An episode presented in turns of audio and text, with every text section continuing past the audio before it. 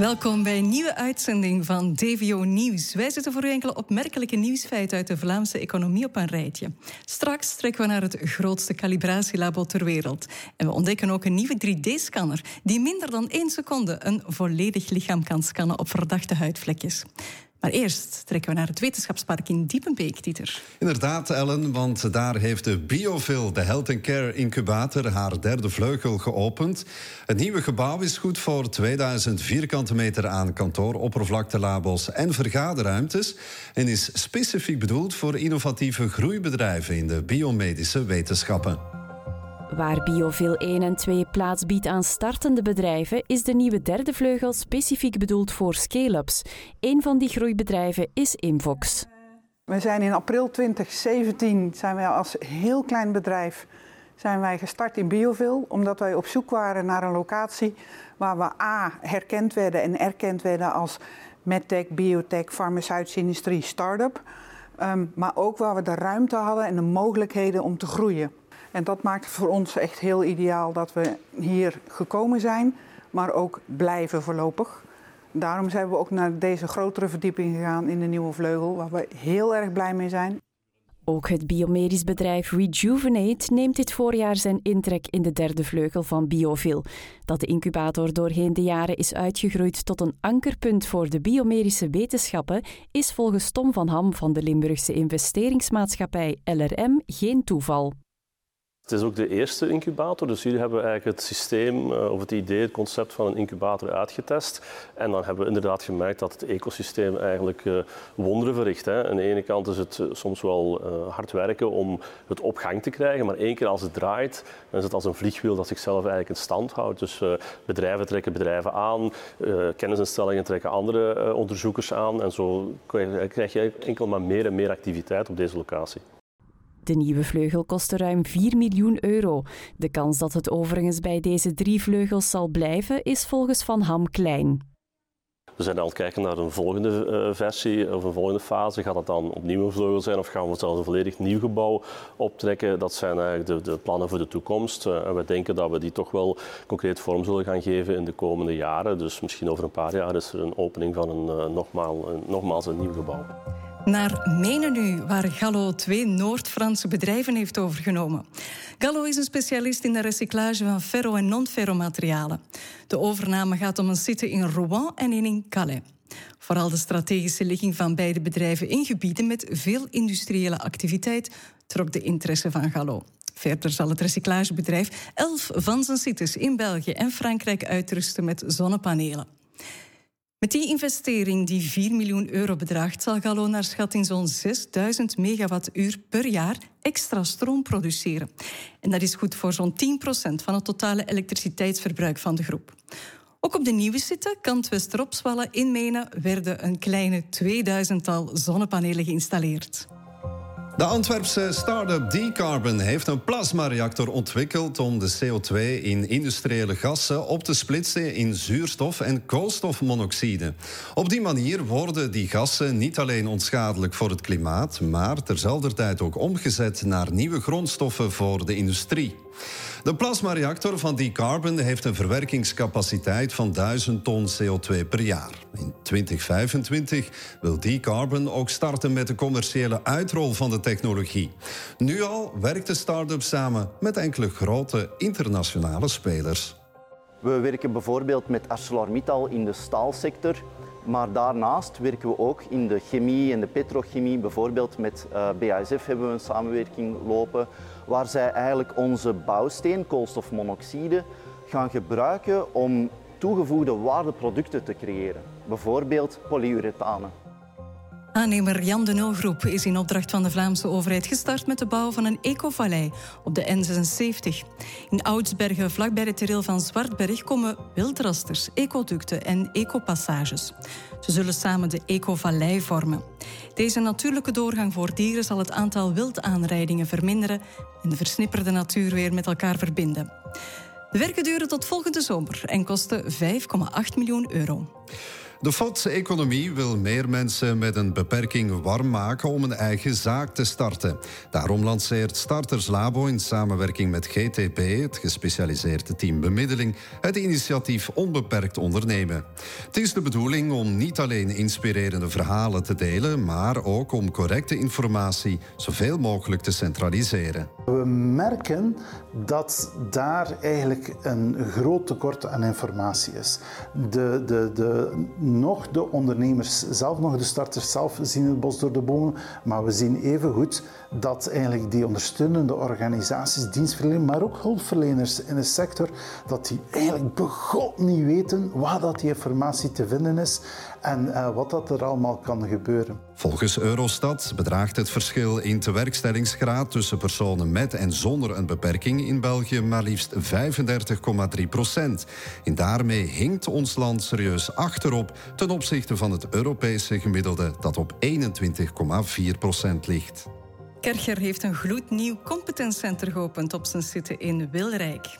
Tot vorig jaar was het center ondergebracht in een huurpand in Ternat. Het nieuwe competentcenter heeft een oppervlakte van zo'n 700 vierkante meter en is hoofdzakelijk bedoeld voor de productgroep Municipal.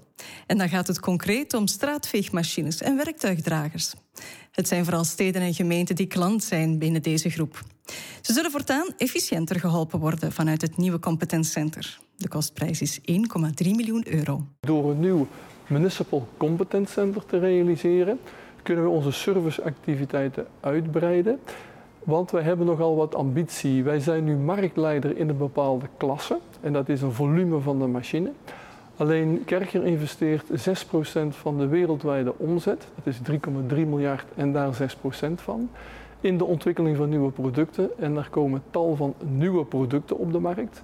En daar willen we eigenlijk ook graag eh, een groot stukje van de markt eh, bereiken. De krapte op de arbeidsmarkt blijft groot. In de grafieken ligt het dieptepunt van het aantal openstaande vacatures wel achter ons. Maar dat is niet altijd merkbaar op de werkvloer. De lijst met knelpuntberoepen breidt steeds verder uit. We zoomen in op deze knelpuntberoepen en dat doen we met onze studiogast. Welkom Joris Gijsels. 241 zijn het er op dit moment. Dat lijkt steeds te groeien jaar na jaar. Hoe verklaar je dat? Het wordt inderdaad steeds groter. Dat heeft te maken met het feit dat we uit de babyboom-generatie komen. Na de Tweede Wereldoorlog hadden we heel veel geboorten. Die mensen naderen nu de pensioenleeftijd en moeten vervangen worden heel veel mensen die we zoeken. Doen ze het in onze omringende landen dan misschien beter? Hebben zij wel wondere technieken uitgevonden? Heel even hebben we dat gehoopt, maar het uh, blijkt niet zo te zijn. In onze omringende landen zijn economieën min of meer vergelijkbaar met Vlaanderen. En eigenlijk zijn de noden dezelfde. Dus als het niet in de buurlanden te vinden is, misschien dan wel verderop? Dat wordt al redelijk veel gedaan. In de ICT-sector is dat stilaan een gewoonte om met Indische medewerkers te werken. In de zorgsector is dat uh, nieuw en hebben we nu ook verpleegsters die uit India komen, maar daar is natuurlijk een taaluitdaging. In de zorg moet je echt wel Nederlands spreken om met patiënten om te gaan. En vooral de belangrijkste vraag is, wat kunnen we zelf doen? Welke rol kan bijvoorbeeld een ondernemer spelen of een eh, VDAB zelf? Hebben eigenlijk een rol. Um, de ondernemer vragen wij om de sprong te wagen, om niet te lang te blijven zoeken naar iemand met de ideale kenmerken, de witte maar aan de slag te gaan met iemand die wij creatieve toe kan noemen. Mensen willen wel groeien, maar dan moeten we ze eh, opleidingen geven, coachen op de werkvloer. En die opleidingen zijn beschikbaar. VDAB zorgt daarvoor. Dat zijn vaak korte opleidingen. Het hoeft niet heel lang te duren. En door de coaching op de werkvloer kan je als ondernemer ook snel merken of het goed gaat. Hebben alle ondernemers daar recht op, of is dat enkel dan een voorrecht voor ondernemers die knelpuntberoepen aanbieden? Alle ondernemers krijgen een soort basisdienstverlening, maar we focussen wel op die knelpuntberoepen, omdat die het moeilijkst in te vullen zijn. En daar krijg je vanuit VDAB meer ondersteuning. Bijvoorbeeld nalezen van vacature, teksten, uh, coaching, echt actief op zoek gaan naar kandidaten door jobbeurzen, al dat soort dingen. Tot slot, het valt erg op dat de lijst van knelpuntberoepen, sommige staan er structureel en lange termijn op, andere zijn eerder occasioneel. Hoe is dat te verklaren? door de dynamiek in onze economie. Dat is uh, leuk, denk ik, dat onze economie uh, dynamisch is. Soms heb je meer vraag naar een bepaald product. Denk bijvoorbeeld na de coronatijd, uh, tijdens de coronatijd, beter gezegd, wilde iedereen met de fiets rijden. Toen was fietshersteller een knelpuntberoep en dat is nu weer een beetje minder.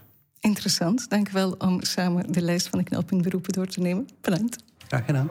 In Wommelgem opent de Franse multinational Trescal binnenkort een nieuw hoofdkwartier. Trescal is gespecialiseerd in calibratiediensten en meet zo'n 500.000 instrumenten per jaar voor zowel lokale bedrijven, maar ook wereldspelers zoals Rolex, Starlink en Pfizer. En wij van DVO mochten nu al in avant-première een kijkje gaan nemen. Het nieuwe hoofdkwartier van Trescal is zo'n 6000 vierkante meter groot. Een verdubbeling in vergelijking met de vorige uitvasbasis in Deurne. Hier bevindt zich het grootste calibratielaboratorium ter wereld. Alle mogelijke meet- en regeltechnieken die in eender welk maakbedrijf of dienstenbedrijf gebruikt wordt. Van de post tot bij uw apotheker om de hoek, van bij de Airbus waarmee dat u op vakantie gaat, tot het gevechtsvliegtuig dat ons beveiligt. Alle mogelijke dingen die gemaakt worden, daar gaan wij meet- en regeltechnieken voor afstellen. De verhuis naar een groter pand was pure noodzaak voor Trescal, vooral vanwege de toenemende vraag. We zijn de voorbije jaren met 64% gegroeid. Wij groeien met bijkomende klanten, bijko bijkomende meet- en regeltechniekdiensten uh, en bijkomende mensen. Onze grootste groeiers zijn de farmasector, uh, zijn de energiesector. Uh, de energiesector met de elektrificatie, dus de verandering van fossiele brandstof naar um, elektrisch aangedreven economie, uh, heeft heel wat challenges voor de hele economie en zorgt ervoor dat er op een andere manier moet gemeten worden en geeft ons ook weer groei. Forse groeicijfers dus voor Trescal, maar daar stopt het niet voor Beerts. Eerst en vooral, we willen de klanten volledig ontzorgen. Die ontzorging uh, betekent dat we nog sneller willen kunnen uh, uh, leveren. Een tweede ambitie is de beperkte aantal calibraties die we nog niet in eigen huis doen, ook in eigen huis te halen. En een derde grote ambitie is meer te gaan automatiseren, zodat we ja, ook de kosten een beetje in de hand kunnen houden voor onze klanten. Dat zijn onze drie grote uitdagingen. En we denken dat we binnen drie tot vier jaar nog 30% kunnen groeien hier in de Benelux. Spotwatch, een start-up uit Aalter, is dat pakt uit met een revolutionaire 3D-scanner die in amper 0,3 seconden een foto maakt van alle huidvlekjes op het lichaam. Door gebruik te maken van artificiële intelligentie worden die huidvlekjes meteen ook geanalyseerd. Spotwatch wil met de scanner een snel, efficiënt en betaalbaar instrument inzetten in de strijd tegen huidkanker. De belangrijkste voordelen zijn eigenlijk snelheid en de hoge kwaliteit van de beelden. Ook het feit dat uh, de volledige huid in kaart wordt gebracht, is een groot voordeel, omdat patiënten vaak zelf niet op de rug kunnen kijken, bijvoorbeeld. Een ander zeer groot voordeel is de lange termijn evolutie. Stel, je komt vandaag, we creëren een soort baseline beeld en volgend jaar kom je terug, dan gaat artificiële intelligentie eigenlijk de veranderingen aanduiden. Is er een vlekje gegroeid? Is het veranderd? Is er een vlekje bijgekomen? Specialist in camerabeveiliging Security 360 uit Zonhoven heeft 2,5 miljoen euro opgehaald. De investering is te danken aan de Limburgse investeringsmaatschappij LRM, high-tech bedrijf Apixa en enkele privé-investeerders. Het geld zal gebruikt worden voor de verdere ontwikkeling van Security 360. Natuurlijk hebben we de laatste vier jaar heel veel geïnvesteerd in R&D, ontwikkeling, om een beetje ja, voorsprong te creëren in de markt, die we nu ook wel, wel hebben. Een aantal USP's die ze in de rest van de wereld niet aan het doen zijn. Dus ja, voor blijven, zeer belangrijk. En internationalisering. Dus we gaan heel veel steken in marketing en sales. We zijn het internationaliseringstraject al gestart. We zijn vandaag al actief in Australië, Zuid-Afrika, Scandinavië, Europa. Maar we willen nu ook Zuid-Amerika, Amerika erbij beginnen doen. Siliconengigant Soudal heeft meer dan 100 miljoen euro neergeteld voor de Italiaanse lijnproducent Durante Adesivi. Het gaat om de grootste overname uit de geschiedenis van Soudal. Een historische deal dus, waarmee het bedrijf zich wil storten op de markt van de smeltlijmen. De Vlaamse overheid wil vanaf volgend jaar grote stappen zetten naar een nog meer duurzame stedelijke logistiek. Daarom investeert ze nu 400.000 euro in een aantal proefprojecten in Gent en Mechelen. Zo zal de stad Mechelen een divers aanbod aan voertuigen ter beschikking stellen van bedrijven die leveren in de binnenstad. Maar ook de eigen stadsdiensten geven alvast het goede voorbeeld. ook ons eigen park proberen we maximaal te vergroenen, te, elektrificeren. Dat nu gaat over bestelwagens, de, de, de veegmachines, de, snoei, de snoeischaren, alles wordt geëlektrificeerd. Waardoor je natuurlijk zelf als stad het goede voorbeeld geeft.